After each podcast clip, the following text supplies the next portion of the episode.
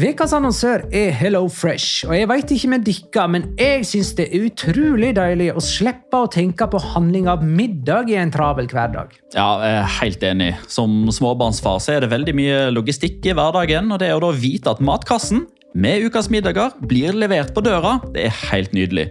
Da slipper du impulskjøp på butikken når blodsukkeret er lavt, og når du kommer hjem, kan du bare ta ut posen med dagens ingredienser fra kjøleskapet og sette i gang matlaginga. Ja, Du kan velge mellom 25 ulike retter hver uke. Og de har faktisk en egen kategori som heter Raskt og enkelt, med masse enkle og gode oppskrifter. Veldig greit å ikke måtte ty til takeaway hver gang det er hektisk på jobb.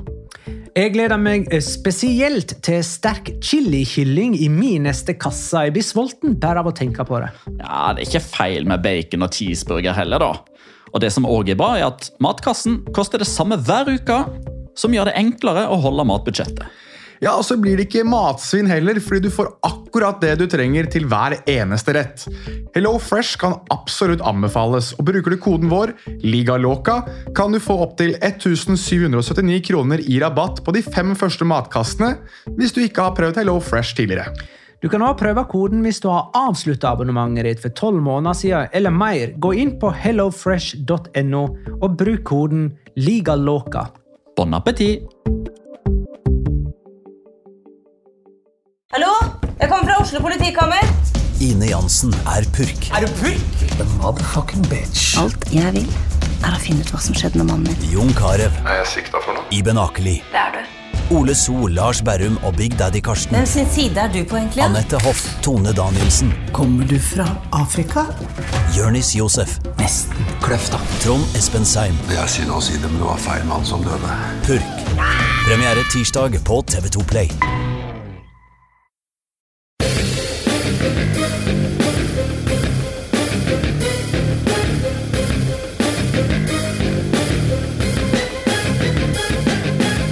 Har du sett? Det blir en helt grei norgesferie i år, når La Liga planlegger gjenoppstart av sesongen fra midten av juni med 35 strake kampdager i sommersol. Vi ser La Liga på Sognefjorden, i Trollstegen, ytterst på Trolltunga, dansende på Preikestolen og syklende på Rallarvegen. La liga loca. En litt gærnere fotball. Ja, ja, ja. Dette er La Liga Loca episode 114 av det helt ordinære slaget med meg, Magnar Kvalvik, hei, og Jonas Giæver, hei, Hola! og Petter Wæland, hei. Hallo! I henholdsvis Oslo sentrum og Spydeberg, mens jeg sitter på eh, Bjerke. Uh, nå er det to uker siden vi sist vi snakka med deg, Jonas, så vi kan jo ta en liten oppdatering på deg. da. Hvordan går det med deg? Jo, tilbake på kontoret for første gang i dag. eh, Sånn offisielt, holdt jeg på å si. Så um, litt sånn tilbake til normalen for min del. eh, Som er litt rart igjen, kjente jeg. Eh, Det å være rundt mennesker og mange mennesker og mye lyd, det er ikke noe jeg trives helt med helt ennå, fant jeg ut. Vi begynte på kontor forrige uke, og det var veldig behagelig, for da kan jeg endelig ha en grunn til å skifte klær og sånn fra den ene dagen til den neste. Det føles bra. Det Hvordan går det med deg da, Petter? Skal vi ta en eh, oppdatering på deg òg? Nei, det går, eh, det går fint. Nå er det jo bare Ja, i snakkende stunder så er det fem dager til jeg er ferdig med Hoffenheim Hertha Berlin. Så det skal være utrolig deilig å jobbe med en live fotballkamp igjen. Så du skal kommentere Bundesliga til helga, Det skal jeg.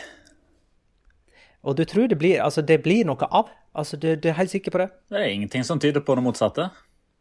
Nei, men så bra. Det gir jo oss uh, mye å snakke om. Uh, vi skal snakke om uh, ståa i La Liga og hvorvidt uh, eller hvordan resten av sesongen skal avvikles, og hvordan man er kommet i gang med testinga. Vi må oppdatere oss litt på spillerståa rundt omkring. Det, det er mange interessante spillerhistorier rundt omkring fra La Liga om dagen. Og så skal vi ha quiz! Vi skal ha quiz. Eh, Jonas leder 4-3 sammenlagt i denne superduper mega ultra chip quiz-chip. Det stokka seg for meg denne gangen. Ja da. Klarer det sikkert bedre neste gang. Eh, vi kan begynne med siste nytt, i den grad vi klarer det som podkast. Det er jo to uker siden vi snakka om ståa i La Liga, for vi hadde en spesialepisode forrige mandag. Så hva, hvordan ligger vi an nå med oppstart av La Liga eh, og fullføring av denne La Liga-sesongen, Petter? Det er egentlig ganske mye som har skjedd siden sist. Eh, og det å ta det i kronologisk rekkefølge det sliter jeg med, for det går litt eh, over stokk og stein. Men det som i alle fall er det viktigste, det er at man er i gang med uh, treninger individuelt. Alle klubbene er nå tilbake igjen. Real Madrid var blant de siste som starta, og de starta i dag. Eh, og de starter jo veldig enkelt. Eh, det er enkelttreninger. Altså spillerne møter opp på, eh, på, treningsanlegget. De får ikke lov til å komme sammen. De må komme i bil, de blir screena på vei inn, kroppstemperatur blir målt. og Forrige uke så ble absolutt alle som er involvert i La Liga og Segunda på en eller annen måte testa for covid-19. Ca. 2500 tester.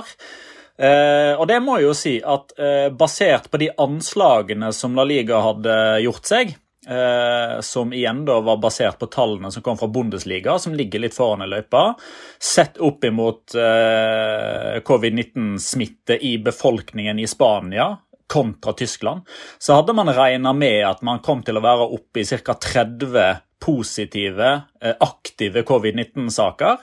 Og det viser seg at det er bare fem.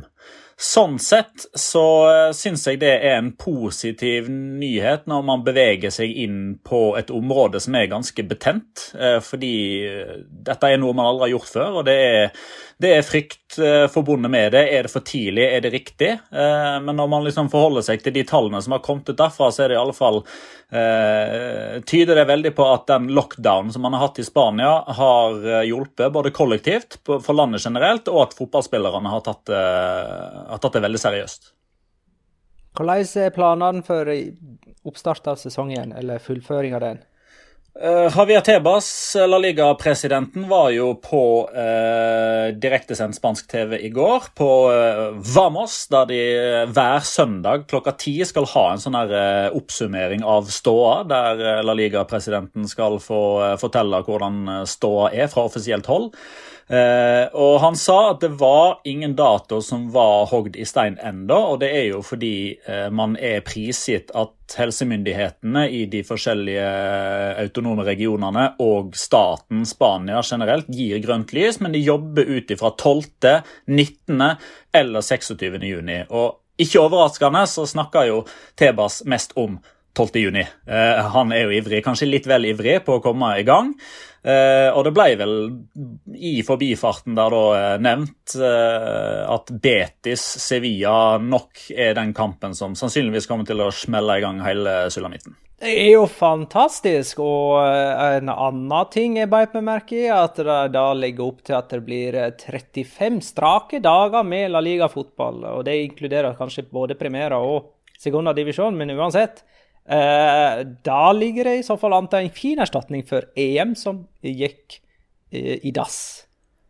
Ja, så virker det jo mer eller mindre som at de aller fleste ligaene kom i gang nå, med unntak av Frankrike, som jo eh, tidlig valgte å legge lokk på det hele. Man venter fortsatt på tilbakemelding fra Italia. Nå kom det vel positive nyheter i så måte fra England tidligere i dag, der man vel åpner for sportsbegivenheter for eh, lukkede dører fra og med 1.6. Eh, man vet at Bundesliga er i gang nå. Så det blir en eh, sommer fullspekka av fotball dersom ting går som normalt. Men så må man jo igjen påpeke at dette, dette er jo et utgangspunkt. Det er dette man håper på. Og fram til den første kampen faktisk blir spilt, så, så kommer man jo ikke i gang. Vi gleder oss, Jonas. Sant? sant? Vi gleder oss. Eh, ja, vi gleder oss til at fotballen eventuelt er tilbake igjen i trygge og eh, si, sikkerhetsfulle rammer. Det er jo det jeg synes er det aller mest oppsiktsvekkende her, er jo litt den derre eh, altså Som du sier, Tebas vil jo ha det i gang kjappest mulig. og jeg er bare veldig redd for at man går for fort fram. At man ikke har tatt alle de smittevernsreglementene og, og, forståelsen for hva dette her egentlig er. Altså, jeg synes det er litt rart at man er så gira på å komme i gang når man allerede nå før man har kommet i gang med fotballen, begynner å se at det er flere spillere i både Primera og Segunda som tester positivt for covid-19. Eh, den tid vi ikke helt vet alt om dette viruset. Det er jo det som jeg synes er det skumleste med det hele. At vi vet at du kan ha det i kroppen uten å vise symptomer. Vi vet at når det er eh, ureglementert eh, kroppsvarme osv., så, så er det et symptom, potensielt symptom at man da skal settes i karantene osv. osv. osv. Jeg synes alltid at det er Uh, nye beskjeder og nye forståelser om hvordan dette viruset egentlig fungerer. Nå har jeg brukt store deler av dagen på å lese meg enda mer opp på hvordan La Liga ønsker å innføre sine protokoller inn mot uh, gjenstarten av ligaen. Jeg synes etter å ha gjort meg selv litt mer kunnskapsrik rundt det, så er jeg, er jeg litt roligere enn det jeg var uh, i går kveld da jeg så Tebas snakke om dette. For jeg synes at det, det virket helt hinsides. og Uh, komme med noe sånt dagen etter, vel, eller var det to dager etter at Renan Lodi f.eks. Uh, har testet positivt for, for, for covid-19, og Alex Remiro tidligere forrige uke også. Uh, men jeg håper at når fotballen kommer i gang igjen, så er man såpass sikre uh, på alt som legges til rette rundt det. Jeg igjen leser meg opp på litt tall. og Uh, med unntak av USA, ifølge John, John Hopkins, er, uh, som er den Corona Resource-senteret som veldig mange av mediene bruker, så er Spania det landet i, uh, i verden som fortsatt knapt foran Storbritannia har flest positive covid-19-tilfeller, med unntak av USA, som har gått over en million. Eh, og av 224.350 så har 26.621 mennesker eh, dødd. Det betyr at 10% av de som har blitt testet positivt for covid-19 i Spania, har dødd. Eh, nå kan vi godt gå sikkert litt nærmere inn på de tallene og se at dette er mennesker som er syke, mennesker som er gamle eh, osv. osv. Men samtidig så jeg er ikke overbevist om at det ikke eksisterer et og annet tilfelle der det er mennesker som tilsynelatende var friske og raske og over godt mot, som også har gått bort også. Og det er det som jeg synes er skummelt med det hele. For vi vet ikke nok om denne smitten og om denne sykdommen til hvorvidt det faktisk kan eh, gå utover friske mennesker. altså Da snakker jeg både om fotballspillere i, i de ulike ligaene, og samtidig også eh, dommere og, og, andre personell som vil være til stede på, på disse arenaene. Så jeg håper at man legger helt til rette for, for det, før man vurderer å sparke en fotball. Jeg syns det er nettopp det man har gjort, da, når jeg har lest eh, disse dokumentene og disse planene og som man kaller for protokoller, da, med hvordan man har et så ekstremt strengt regime på eh, si, Hvis jeg skulle satt meg ned og tenkt over de bekymringene jeg hadde før jeg leste protokollen, så hadde jeg blitt eh, antageligvis veldig betrygga etter å ha lest protokollen. Fordi alle de tingene som jeg ser på som mulige jeg, fallgruver, eh, mener jeg at La Liga har tatt høyde for. Og det som òg er en fordel for La Liga, er jo at de er jo ikke først ute. Altså de, de kommer til å lære av Bundesliga. Uh, og Grunnen til at Bundesliga starta en måned før alle andre, var at de, fått, de, har jo da fått kontroll på smittespredningen tidligere enn hva f.eks. Spania har gjort. Men det som er faktum er jo at Spania har jo per definisjon kontroll. Eh, hvis man definerer kontroll som at man har kontroll på dette R-tallet, altså hvor mange personer i gjennomsnitt en covid-19-smitta uh, person smitte videre, så er tallet altså tallet her i Norge har vel ligget på intervall 0,6-0,7 ganske lenge nå. I Spania så er det nå nede på 0,75. Eh, og ja, de har stygge tall. De har altfor stygge tall. Men sett i lys av innbyggertall så er det ikke så gale allikevel. Eh, så når man tenker på ok, hva må disse spillerne gjennom nå når de skal tilbake igjen på treningsfeltet? Jo, de må komme seg fra A til B. De må komme seg fra der de bor, til der de trener. Hva slags eh, protokollting eh, har man satt i gang der? Jo, strengt regime på at eh, man skal bruke samme bil hver gang. Bilen skal desinfiseres hver eneste gang den blir brukt. Det blir den gjort når den står på parkeringsplassen på, på treningsfeltet eller på kamp. Så blir den bilen desinfisert innvendig og utvendig. Eh, når man kommer til treningsfeltet, så er det et enormt regime. Det, altså, det må være fem minutters intervall mellom hver eneste person som, som, som går innenfor portene. De blir screena. Eh, de eh, har samtale med lege, de har på seg masker, de har på seg hansker. De møter ferdigskifta, de reiser rett hjem når de er ferdig på jobb. De har ikke fysisk kontakt med noen når de er der.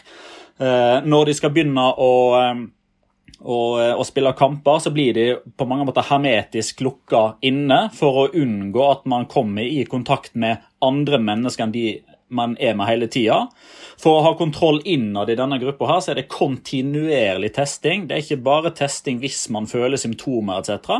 Eh, Rett og slett fordi, som man har vært inne på tidligere, dette her er et virus som kan sitte i kroppen i lang tid før man begynner å vise symptomer. Men disse testene plukker de opp med en gang pga. at eh, viruscellene vises på disse testene.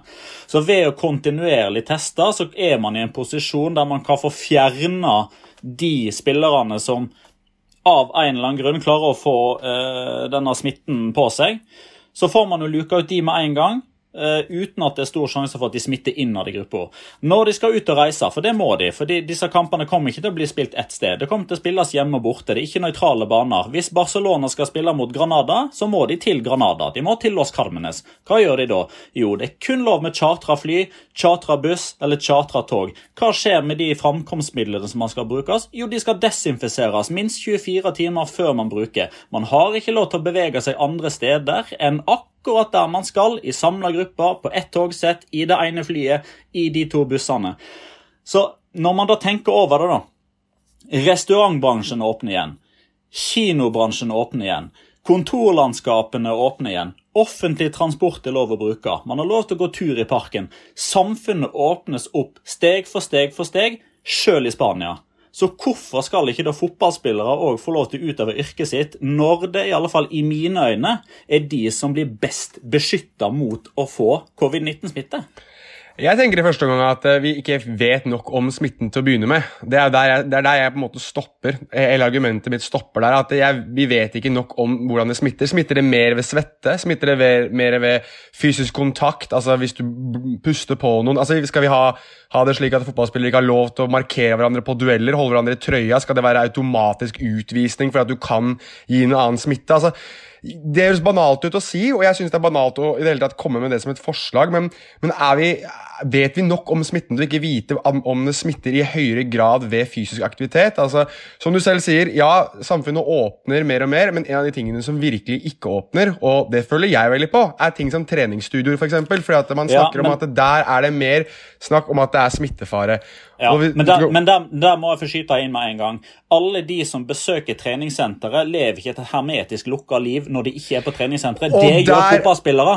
Og der er jeg enig med deg, og der er, der er det eneste stedet jeg er tilbøyelig til å være enig. i At hvis du går en periode, som jeg sa til dere tidligere i dag, og som jeg også har gått gjennom med meg selv en del ganger Hvis du kan gå gjennom dette to-tre uker i forkant, hvor du kontinuerlig testes to-tre-fire ganger i løpet av en uke, og du ved flere anledninger der gir negativ smitte samtidig som du kun forholder deg til da ja, hvor mange skal vi si ja, 16-17-18 andre personer eh, som også screenes, testes, og dette skjes med dem hele tiden også, ja, da, da, forstår jeg at det er grunnlag for at man kan vurdere dette. Men jeg synes det som er rart, er dette med reising. Eh, jeg synes at det, det burde ikke vært vurdert uansett om du desinfiserer eller ikke, fordi vi vet alle sammen at 20 lag, der kommer det til å være protokollbrudd en eller annen gang. Det kommer til å skje. Altså, det, det er Menneskelig natur er å gjøre en feil, og noen kommer til å drite seg ut på dette her uansett. Og så blir det et stort spørsmål om, om hvor gikk dette gærent, og hvem startet det, osv., osv., hvis virkelig uhellet skulle være ute. Jeg synes at man burde være såpass innforstått og realistisk og tenke at la oss velge oss ut fire-fem arenaer. Fire-fem arenaer der eh, disse lagene må spille, og så må man ha en periode igjen hvor det blir en form for karantene på en uke eller noe, hvor man bytter disse lagene, spiller ferdig de resterende kampene. Så må man finne ut hvordan man skal gjøre dette. Problemet er jo det at de skal gjøre det etter terminliste, og ikke etter sånn som man f.eks. har bestemt seg for å gjøre i Norge, hvor du skal ha ulike eh, grupper basert på hvor i landet du kommer fra. Selvfølgelig så er dette vanskeligere, fordi at i Norge så er det snakk om en seriestart, ikke en gjenoppstarting av ligaen som allerede er pågående. Dette er veldig forståelig, men samtidig så gjør det det ekstra vanskelig. Så som du sier, hva Skal vi, skal vi ha, for eksempel, ha Atletic da, som skal reise hele veien ned til Andalusia? Eksempel? altså Lag som skal spille på Balearene mot Mallorca. Det er så ekstremt store risikoer eh, hva angår smittefare, uansett eh, desinfisering, uansett de smitteverns... Ja, jeg føler det. For at du vet aldri hvor disse protokollreglementene kan slå feil. Altså, Noen kommer til å drite seg ut. Og jeg mener, i, i verste fall Det kan godt være at jeg maler fanden på veggen, men gud hjelpe meg, la en av oss gjøre det her, da. Så kommer det til å være en eller annen i det støttepersonellet eller blant spillerne som blir testet positivt for dette. Og Hva skjer så om det så er en spiller som er ekstremt viktig for klubben? Ja, da veit man det. At hvis denne spilleren blir tatt, så skal han ut, han skal testes og han skal settes i karantene. Greit nok. Så la oss nå si La oss ta det verste eksempelet. La oss si at dette er Lionel Messi da, for Barcelona. Settes ut i karantene. Skal vi, bare, skal vi tenke, tenke at dette er i form av Skal vi tenke det som en, som en strekk? da, Som en strekkskade på to-tre uker? Er det, er det sånn vi skal tenke på det? Ja. Ja, jeg synes, Ja, Fordi det er litt farlig. Ja, det, eh, og gjennom en fotballsesong så er det mange som er ute av kamptroppen pga. sykdom. Eh, folk er jo ute av kamptroppen pga. at de nettopp har vært til tannlegen og hatt rotfylling. Jo. Sånn er jo livet. Det er sant, men, men, men, men ikke fordi man er et kjemisk våpen. Eh, med, med, tenk på all den desinfeksjonsvæska som må brukes på dette her. Sa du at man trenger fem minutter fra én går inn en treningsport til det neste? Nå, nå har man et sånt regime, bl.a. i Levante. For der kommer alle spillerne til treningsanlegget til angitt tid med fem minutters intervall. For at det ikke skal for bli en kødannelse når man da skal bli screena når man skal ha denne første praten med legen. Ja. Tar 100 minutter hvis det er 20 personer. Fra første til siste.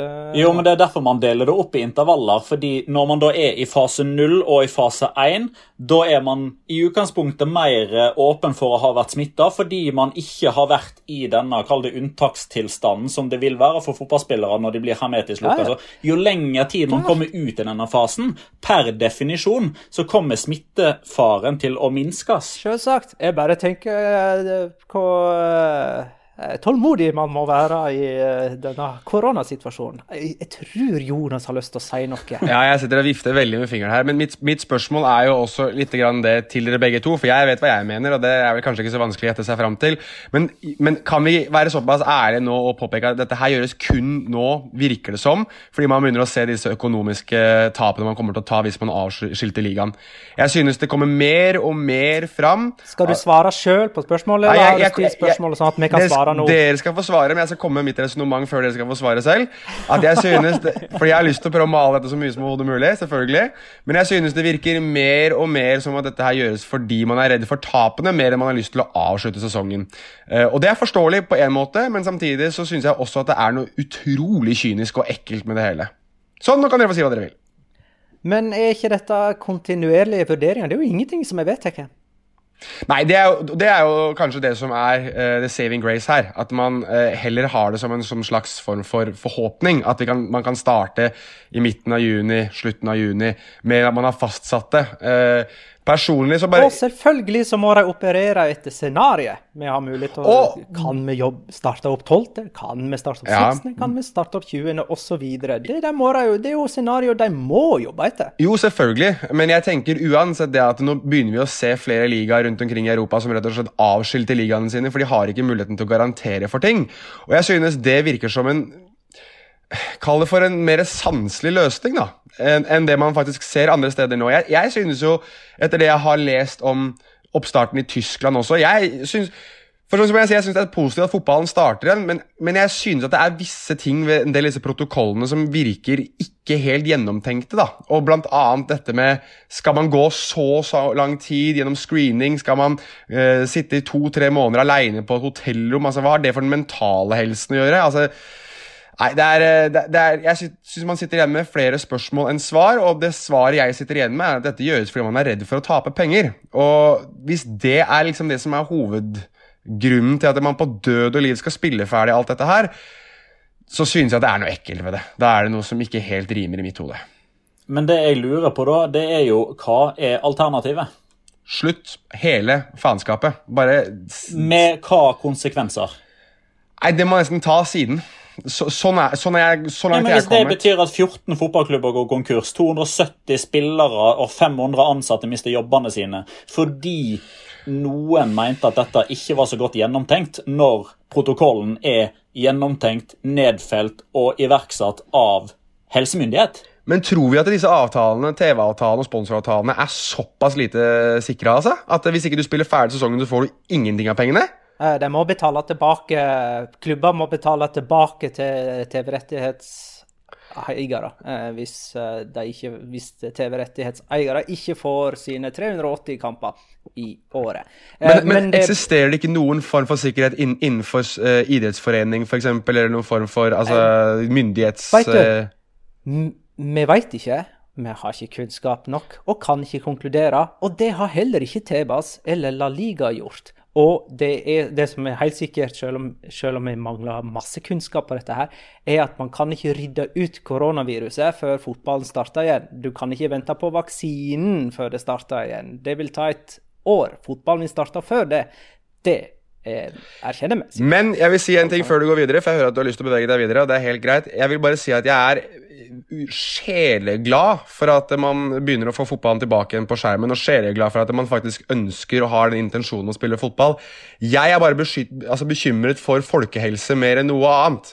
Eh, Og jeg, bare, jeg føler bare ikke at man er helt sikre på dette. Og så lenge man ikke er 100% sikker, så har jeg en dårlig smak i munnen eh, rundt det. Men på død og liv, jeg skal benke meg foran Bundesliga, jeg skal benke meg foran Premier League, jeg skal benke meg foran La Liga, og gud hjelpe meg hvor mye mitt hue trenger å se litt fotball igjen.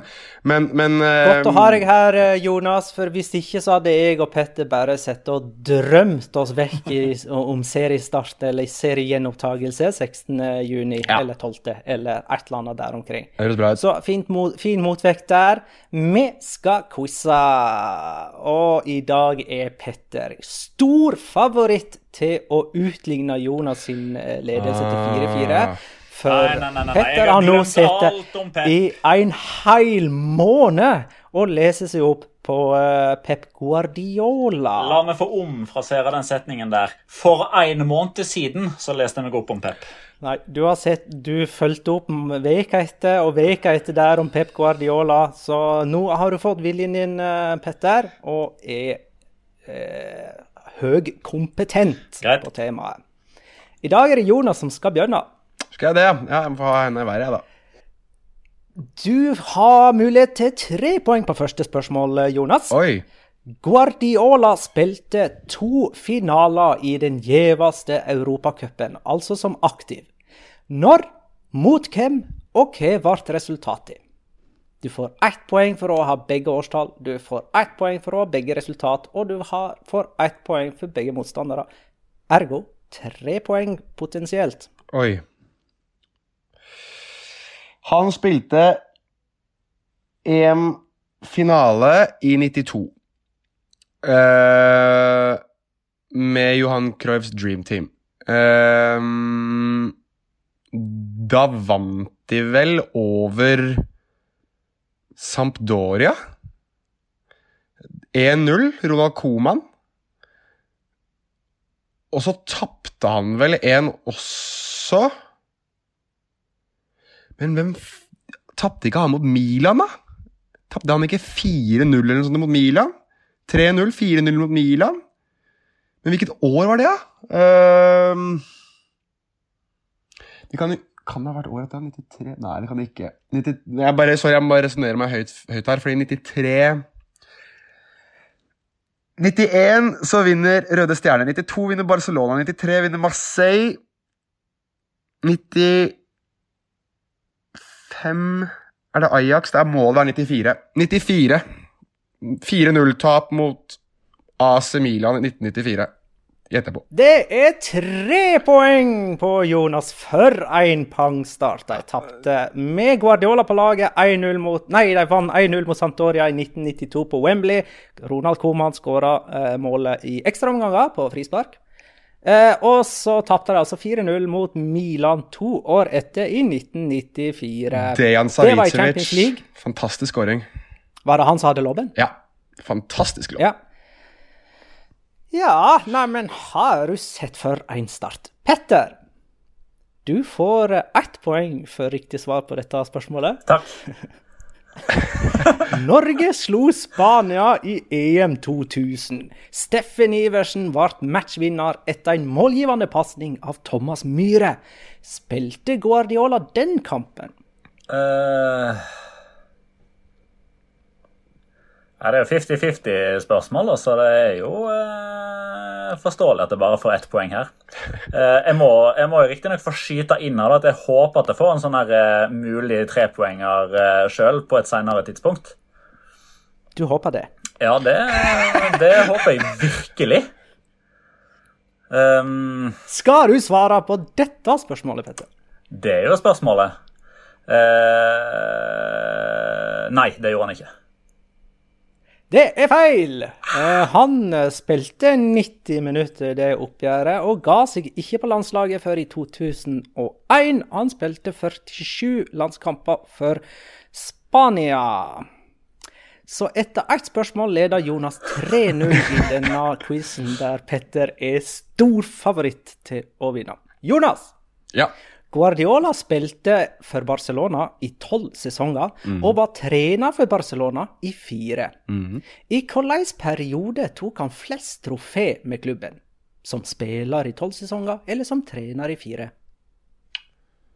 Herregud. uh, han må jo ha vunnet en del ligatitler, da. Og så har han, vant han en Champions League. Så hvis vi regner seks Fem-seks trofeer der. Og Copa del Rey-trofeer må han ha vunnet. Så vant han Hvor mange var det han, mye var det han vant det der ene året? Og alle sammen snakket om? Var det ikke fem trofeer han bare vant på ett år? Eller seks trofeer han bare vant på ett år? Um, det må ha vært fem, vel? Nei, seks, selvfølgelig. Jeg tror han vant flere som, som trener enn som spiller. Det er feil! Han vant 16 trofé med Barcelona som spiller eh, på de tolv sesongene, og 14 som ah, trener på fire Yes. sesonger. Så han var med andre ord en langt større spillersuksess enn trenersuksess. Ja, men da er det Petter sin tur. Og veit du hva, Petter? Her har du mulighet til å ta tre poeng. Men det blir null. Den første, den første sommeren som Barcelona-trener, altså i 2008, solgte Guardiola spillere som Ronaldinho, Deco og Edmilson. Og så kjøpte han ganske mange, men tre av de han kjøpte, skulle bli værende i hele hans periode som Barcelona-trener uten å bli lånt ut eller solgt så lenge han var der. Hvem er disse tre? Kjøp i. Merk kjøp. Ikke signeringer fra B-lag, men kjøp. Altså, som, som kom i 2008, som fortsatt var der da han forsvant i 2012. Yes! Uh, Og gjerne etter 2008 så kom jo uh, Piquet tilbake fra Manchester United. Du kan det. Han teller, for det var ikke, noe, det var ikke lån, det. De kjøpte han tilbake igjen. Um, Ja, det gjorde de. Og så var det jo i 2008 vel at de henta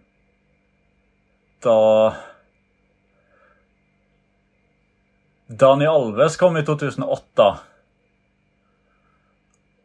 Og han kom sammen med en annen fra Sevilla, men gikk han året før? Um, Kan jeg bare komme med en spoiler? Det er ikke Dimitro Tsjigrynskij. Nei, det, det er ikke Kerry sånn heller. Nei. Uh, jeg tror derimot at det er Seido Keita som er tredjemann. Alle riktig, Petter. Fantastisk levert. Det er tre poeng eh, til deg.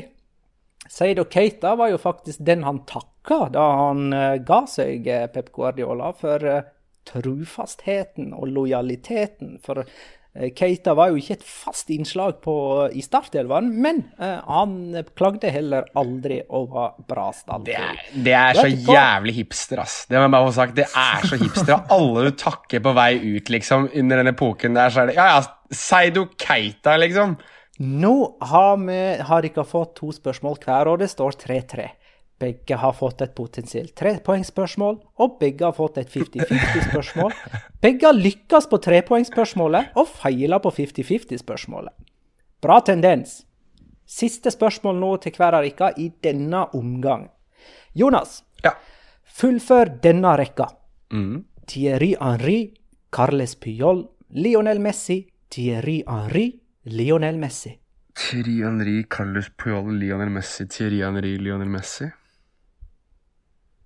Det er fem, da. Skal vi se. Fem et eller annet. Ehm, Denne var vrien. Eh, Vi må be om et svar, tror jeg.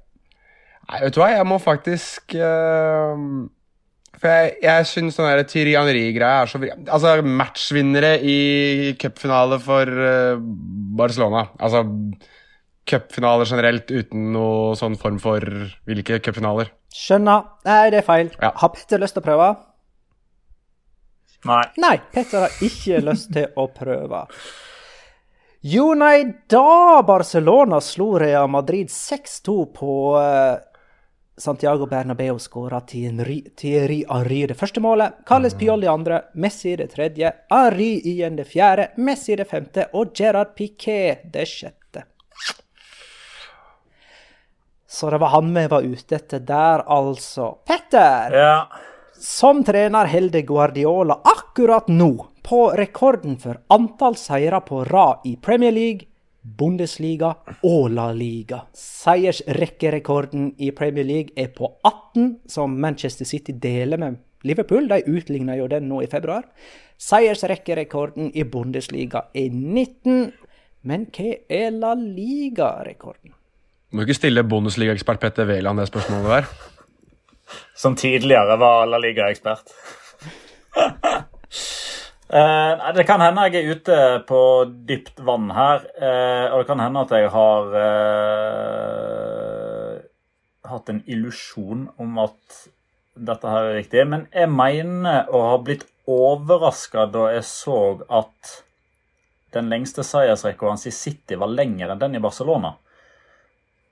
Men at de var ganske like. Altså Det var ikke så mye som skilte. Så basert på det resonnementet der, som kan godt hende er helt feil, så svarer jeg 17. Ai, ei, ei, det er så nære. Det er så nære. Det er 16. Eh, og Real Madrid utligna jo den i 16-17-sesongen, så det er jo Zidane og eh, Guardiola som deler den seiersrekkerekorden der nå, da. Ja, men så står det altså 3-3 etter tre spørsmål hver, eh, og dere har altså bare klart å svare ett riktig. Er de- er ikke det deilig å få litt ekstra poeng på ett og samme spørsmål? Altså, Jeg tar med meg at jeg har tre poeng etter tre spørsmål, så Ja, det er godt. Ja, ikke sant. Det er jo et snitt på ett poeng per spørsmål, det. det er det. Vi skal fortsette quizen. Andre halvdel av quizen kommer etter litt mer av eh, statusoppdateringer fra spansk eh, fotball. Og denne gangen så har jeg lyst til at vi skal fokusere på spillere. For jeg syns det skjer så mye løye. La oss begynne med Luka Jovic. Hva skjer f.eks. der? Er det noen som kan oppdatere oss? Kan tilbake igjen fra sitt eh, hva skal jeg kalle det for noe, uh, marerittopphold i hjemlandet Serbia. Eh, så er han vel blitt observert igjen i Madrid. Så er han vel han er vel fortsatt i karantene, er han ikke det? Har ikke han blitt satt rett i karantene etter å ha vært i karantene? holdt jeg på å si? Ja, han, er, han klarte jo å eh, pådra seg brudd i foten eh, på, eh, på heimetrening. Eh, det er iallfall den, eh, den offisielle versjonen. Samtidig så Brudd i foten, som vi Ja, sier med hermetegn. Ja. Uh, nei, altså Det er klart, serbiske medier, der er jeg ikke bevandra. Så om den kilden som rapporterer dette, om det er Se og Hør, eller om det er Nettavisen, eller om det er VG, uten at jeg skal rangere de tre i noen som helst måte Jeg kjenner ikke bakgrunnen til det mediet her, men det blir jo da eh, framstilt videre på Twitter gjennom de, mange av disse engelske samlekontoene for Real Madrid-supportere. altså Det finnes det ganske mange av. Og En av de har jo hevda at eh, ifølge dette serbiske medier så har Jovic falt ned fra taket hjemme. Eh, hvordan han har klart det, om det stemmer, som sagt, jeg strekker hendene i været. Eh, her er jeg på tynt is. Men det som uansett er faktum, er at Real Madrid har jo kommunisert gjennom en sånn parte medico at han har pådratt seg et brudd i foten og ute i seks uker. Allerede før klubbtreningene begynte. Så eh, kan noe gå galt for Jovic, så går det galt. Jeg leste noe om at at faren uttalte at han var deprimert, og eh, i det hele tatt så har dette vært et veldig tungt år, eller i alle fall siden han kom til Real Madrid. Jonas? Ja, jeg må bare få skutt inn da, ettersom du nevner det. Jeg har jo eh, skrevet litt om Luka Jovic eh, for Nettavisen, og en av de sakene jeg skrev om ham, som jeg syns var nesten litt sånn deprimerende å skrive, var det at han visstnok Eller han har innrømmet selv til spansk eh, Eller i serbisk presse, vel, men som ble sitert i spansk presse, at han sitter og ser på videoer av seg selv på YouTube da han spilte i Eintracht Frankfurt for å minne seg selv om hvor god han en gang var. Og da, da har du nådd bånd. Altså, når du sitter som Hvor gammel er i over? Er 95 år gang eller noe sånt? Og sitter og allerede nå sitter og ser på videoer av seg selv på YouTube for å minne seg selv om hvem han var en gang i tiden. Det er deprimerende, ass. Hæ? Er det har, alt har jo gått galt for han. Altså, I begynnelsen der så ble altså, Hver gang han satte ballen i mål, så var det enten en eh, assistentdommer som sto med flagget, ja. eller så kom det en eh, sånn VAR-tegn etterpå. Altså, Jeg tror han hadde tre eller fire skåringer, og så ble annullert før det første offisielle målet endelig kom. Uh, og hvis Neymar ble liksom lei av å være i skyggen til Messi. Uh, så Den skyggen til, til, Benzema, som er over Jovic, der til og med Mariano Diaz var oppe og nikka på slutten der, før uh, fotballen ble stoppa. Og så det var jo så mye tull under denne karantenetida. òg. han reiste jo tilbake igjen til Serbia uten å informere, uten å få lov av Real Madrid. Og da var jo Serbia allerede i lockdown, så statsministeren der gikk jo til frontalangrep og trua med fengsel mm. hvis Jovic bevegde seg utenfor de fire veggene som han uh, oppholdt seg på akkurat idet presidenten sa det, altså, eller statsministeren. Hvis han beveger seg utenfor de fire veggene som han er nå, så skal han sørge for at han blir arrestert. Så mm, ja, det går bra. Han er for øvrig 97-modell. Det er han. han er jo fortsatt 22. Han blir 23 på vesle julaften. Um, men for å holde oss til Real Madrid, da. Gareth Bale og Newcastle. Skal vi tro på det, eller? Slik vi skulle trodd på Manchester United og Manchester City og Tottenham og Kina og, Inter MLS, og MLS og uh, Vålerenga og alt mulig annet som sikkert har blitt kobla til han det siste året. Eller årene. Uh, Newcastle blir, Det er jo snakk om et Saudi-Arabia en Saudi i, i, Newcastle, og da, da går jo spekulasjonene selvfølgelig vilt. Uh, og der, der, skal jo eh, Pochettino stå øverst på trenerønskelista òg.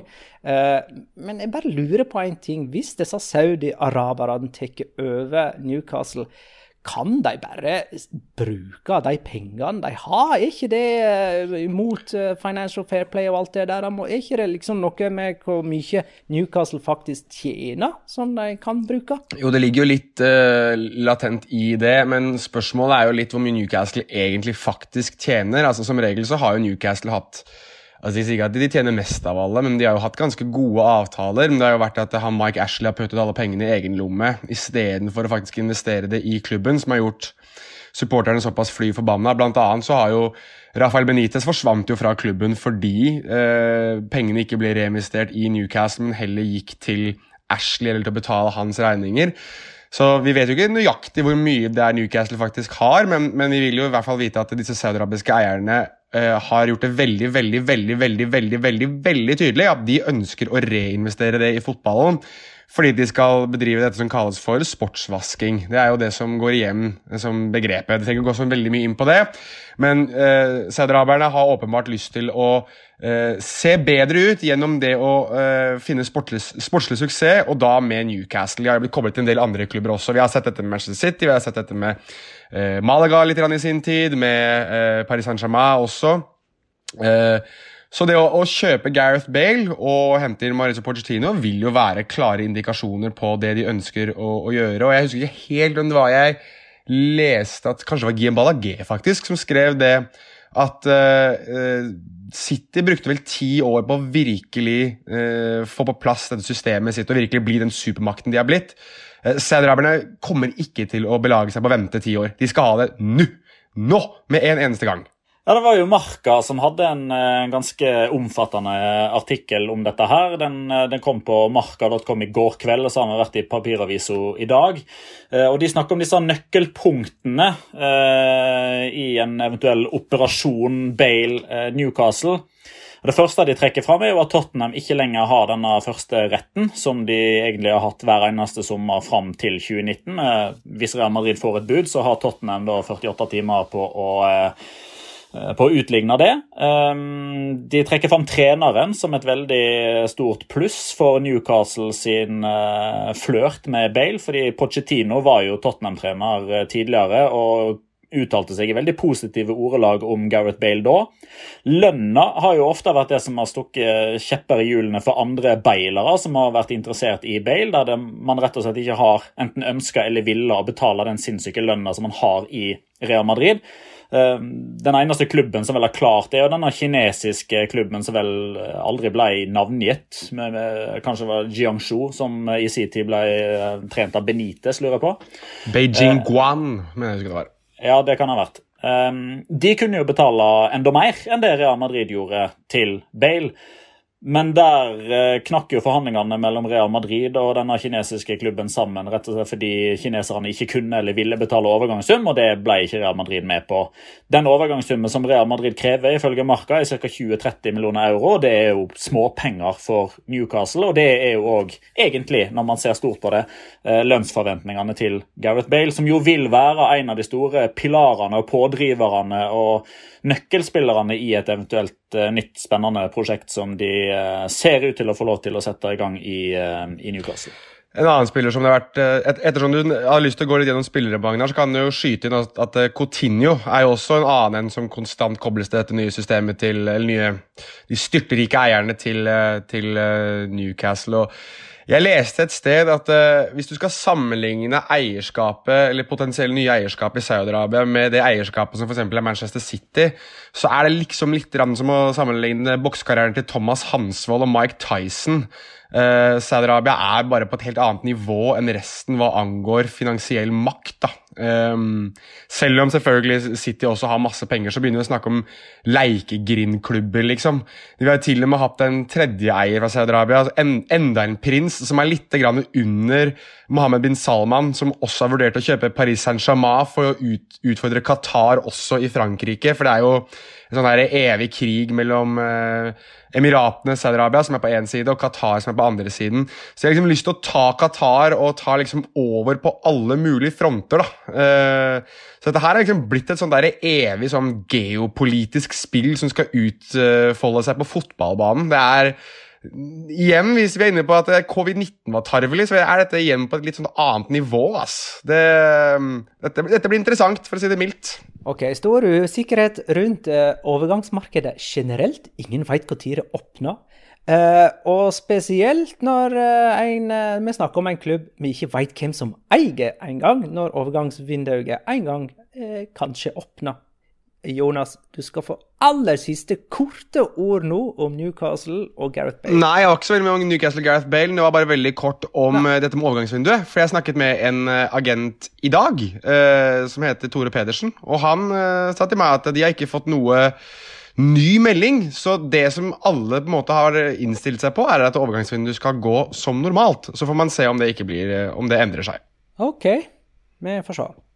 Eh, ellers, eh, når vi er inne på spillere, så er det jo hyggelig å se en spiller som Bruno Soriano. Eh, Villarreal-spiller trener med ball etter tre år med skade. Villarreal er jo klubben for eh, spillere som gjenoppstår fra de døde. Eh, er det noen muligheter for at han spiller i juni-juli, eller Petter Kort? Nei, det tviler jeg vel på. Eh, eller han kan kanskje få noen minutter. Eh, det kan han. Men eh, han har jo vært ute siden 2017. Han har ikke spilt noe som helst fotball de siste to årene, så det er jo en type belastning han ikke kommer til å være vant til i det hele tatt. Men utrolig gøy, om enn bare litt sånn for det emosjonelle aspektet, å se Bruno Soriano på treningsfeltet med ball. Eh, men samtidig, eh, jeg er jo av den fysioterapikompetansen at jeg mente jo at det var jo klink umulig å se Santi Casola i ei Villarreal-drakt før langt utpå høsten. Han starta første serierunde mm. og spilte resten. Uh, hvordan går det med Celta Vigo sitt russmark-prosjekt? Å ha en russer i karantene og en danske i karantene, eller er de ute av karantene og tilbake på plass nå? Nå syns jeg heller du kan gå for Danland. Jeg syns det var mye kulere. Danland. Ja. Okay. Danland Rysmark. Syns det var like bra, jeg. Ja, men Det er vel ikke noe nytt der, annet enn at de er blitt kalt tilbake. Og så er de vel eh, Regner jeg vel med at de, hvis ikke de fortsatt er karantene Det er de vel kanskje ikke. Så er de vel, eh, er vel i trening òg. Ja, altså Marka kom med en eh, sak her om at uh, Sisto hadde uttalt at uh, når han var i karantene, så hadde han ikke trent noe som helst enn det mentale. Bare, og, det, og ete frukt. Ja, jeg skulle, jeg skulle Det si. har han jo gjort de siste to årene. Ja. Uh, men de er tilbake i Vigo, iallfall, så det er ett steg nærmere. OK. Er det noen siste snack som spillere har lyst til å ta før vi avgjør eh, Pep Guardiola-quizen? Nei, så Anaitz Arbia, eh, Eibar-spilleren, har eh, visstnok eh, kommet til enighet med José Luis Mendiliba, treneren, om at han eh, får fritak fra trening nå, rett og slett pga. en eh, Hvordan skal man eh, oversette dette her eh, til norsk eh, Altså un, un asunto personal delicado, altså en delikat personlig sak. Ja, eh, eller altså en Jeg ville kalt det en, Komplisert. alv en alvorlig personalsak. At det er noe som gjør at han ikke ønsker å være på trening. Um, typ Da David Silva for eksempel, hadde den, dette Ja. barnet sitt som var for tidlig født, så var vel det Una Sunto muy delicado personal, for eksempel, da. Um, så det kan jo være at det er noe i Forhåpentligvis ikke noe alvorlig, men det kan jo tyde på at det er det.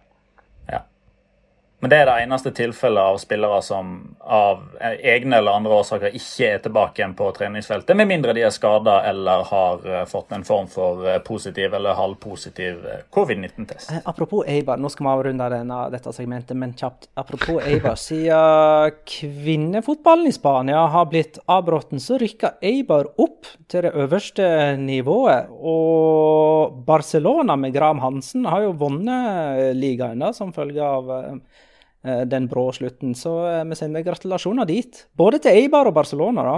Da er vel Karoline Graham Hansen inne i en ganske sånn eksklusiv uh, gruppe vel, med nordmenn som har vunnet ligatittel i Spania. Det er vel kun hun og Jon Carew, var det ikke det? Så det jo, da har vi jo i hvert fall en sånn form for historisk sesong eh, i spansk fotball sett med norske øyne uansett. Eh, både med Ødegaard selvfølgelig og Graham Hansen, som da er seriemester. Kanskje til og med får en norsk cupmester og en norsk seriemester. Det hadde vært gøy. Vi har ikke snakka om Copa del Rey-finalen. Det har vi ikke. Vi må avrunde der før vi avgjør quizen. Eh, Petter, take it away. Ja, um, Atletic og Real Sociedad er jo to av klubbene som er mest sånn uh, Skal vi si Kall det mot den moderne fotballen, og uh, der fansen betyr mest. Så de gikk vel egentlig uh, sammen om å legge press på det spanske fotballforbundet om at den cupfinalen, den vil vi ikke spille før det kan være publikum til stede.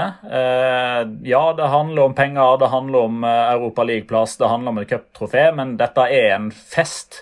Eh, en fotball- og festdag som vi har lyst til å dele med supporterne våre. Eh, og det tok eh, jeg tror ikke det tok mer enn tre-fire timer jeg, før det spanske fotballforbundet offentlig uttrykte sin støtte til det forslaget om å utsette kampen på ubestemt eh, tid. Eh, fram til det tidspunktet der man igjen kan invitere fotballsupportere inn på fotballstadion, med det eneste forutsetningen at cupfinalen 1920 må spilles før cupfinalen 2021. Det er det eneste eh, premisset. Det er greit.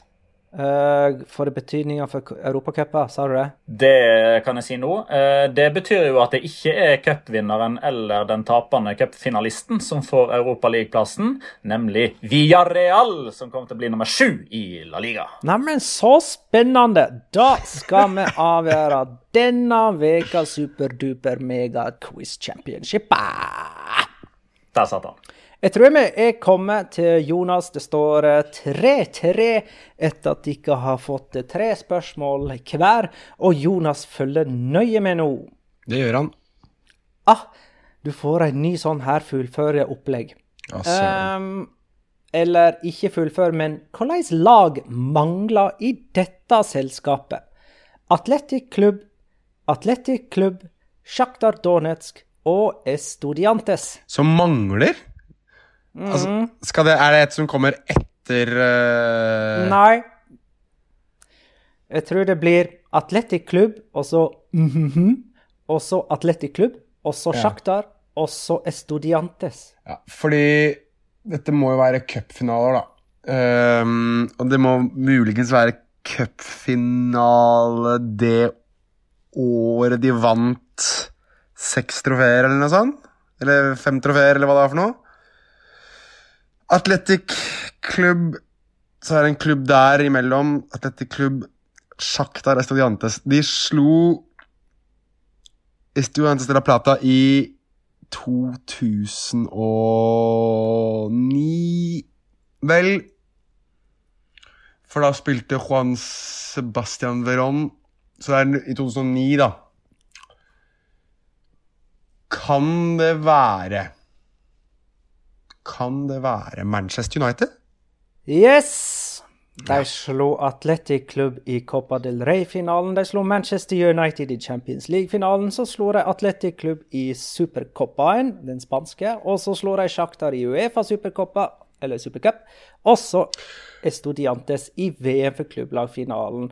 Eh, og så vant de jo La Liga det samme kalenderåret. Så seks titler i 2009. Jeg må bare få skutt inn at den uh, Champions, nei, uh, Europa supercupfinalen var den kampen der Dmitrij Tsjugrynskij virkelig beviste at han hadde fortjent sin plass i Barcelona. Ja, for han spilte jo for Barcelona da, sant? Han var Nei. jo Shakhtar Donetsk sesongen før og slo Barcelona med Shakhtar på kamp nå.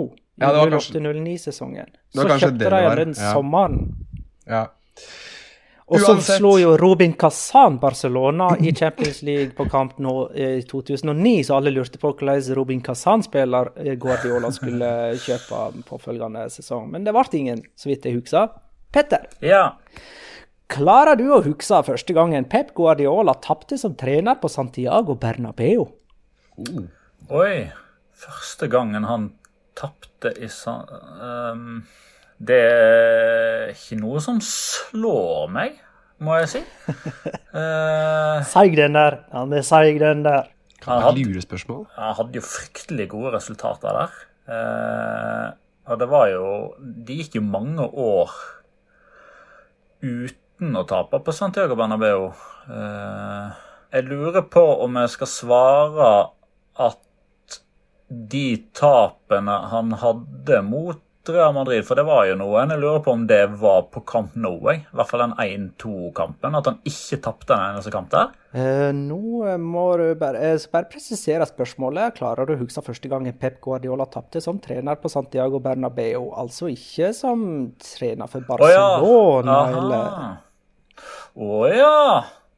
Da kan det stilles litt annerledes. Da kan det være Bayern München og ja, kan det være, Jo, det kan være City, men Vent litt nå. Uh, Real Madrid, Bayern München, var det da Ja, det må være i 2014, det, da. Riktig! Eh, du fikk eh, litt hjelp der, men siden du sa at han aldri tapte på Santiago Bernabeu som Barcelona-trener, så fortjente du hjelpen til å pushe, Ja, seg, greit til å pushe seg videre til Bayern München 2014. Da tapte han 1-0 på Santiago Bernabeu i det første møtet, og så 4-0 hjemme i returoppgjøret. Jonas, Hei.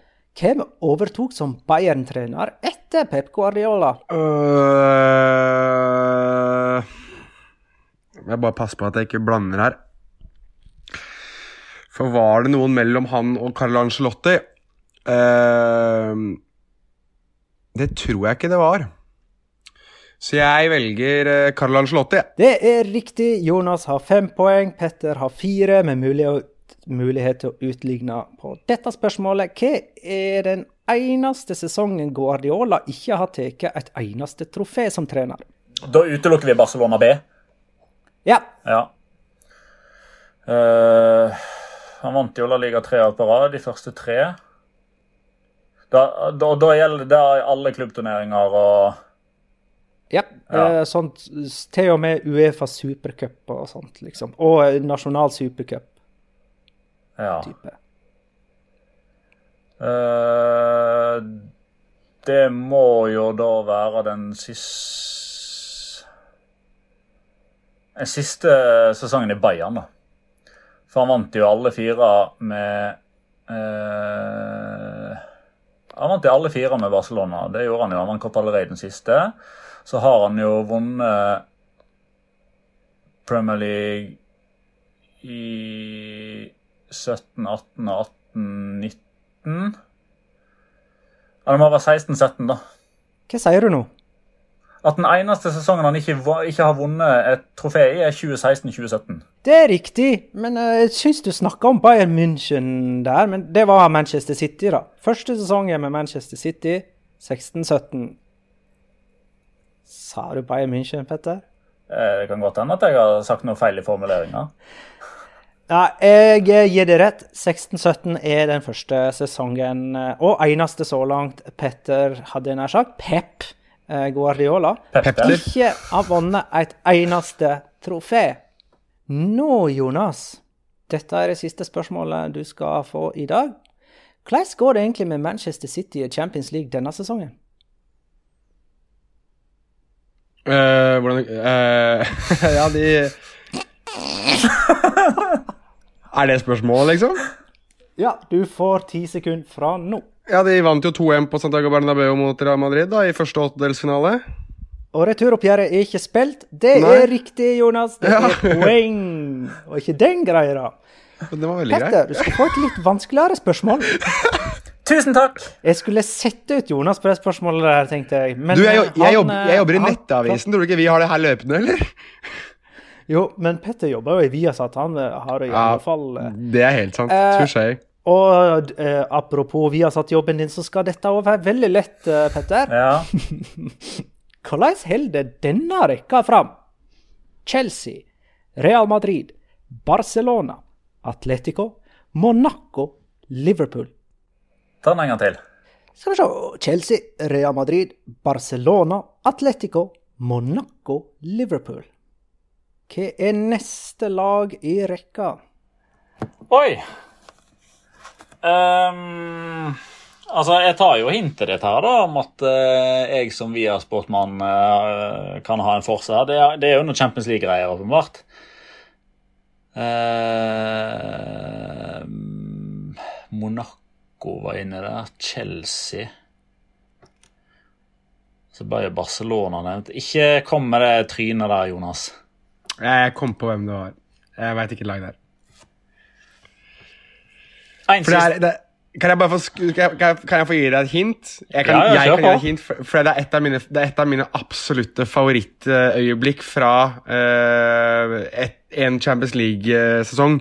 Fordi det er, et, det er et øyeblikk der hvor uh, du nesten bare ser håpet og gleden og all mulig entusiasme bare forsvinne ut av kroppen til Pep Guardiola.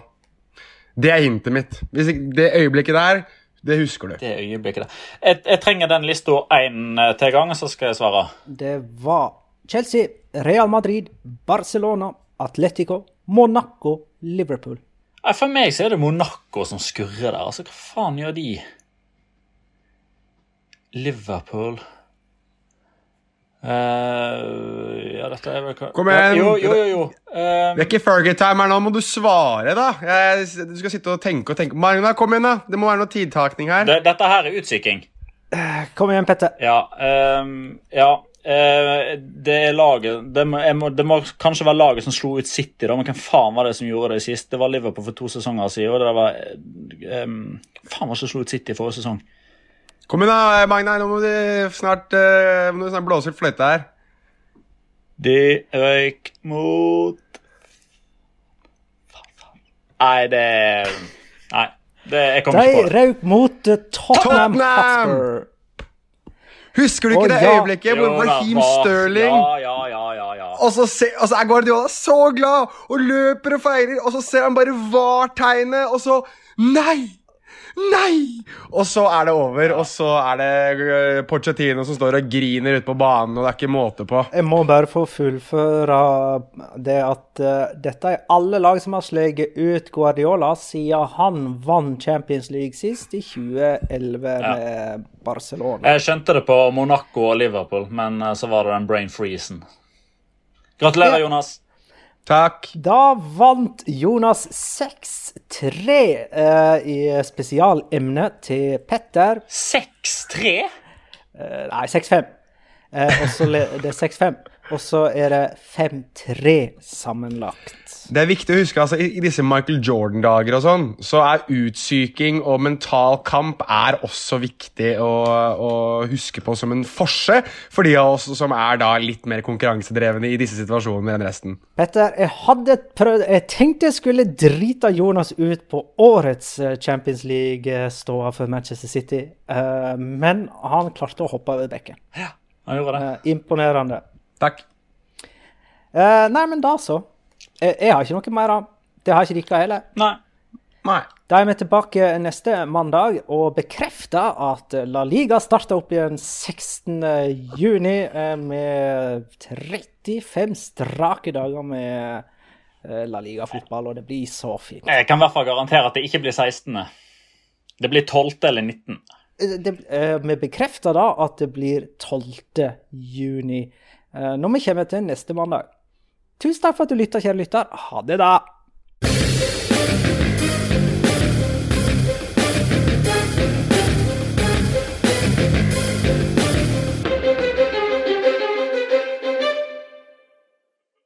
Har du et enkeltpersonforetak eller en liten bedrift? Da er du sikkert lei av å høre meg snakke om hvor enkelt det er med kvitteringer og bilag i fiken, så vi eh, gir oss her, vi. Fordi vi liker enkelt. Fiken superenkelt regnskap.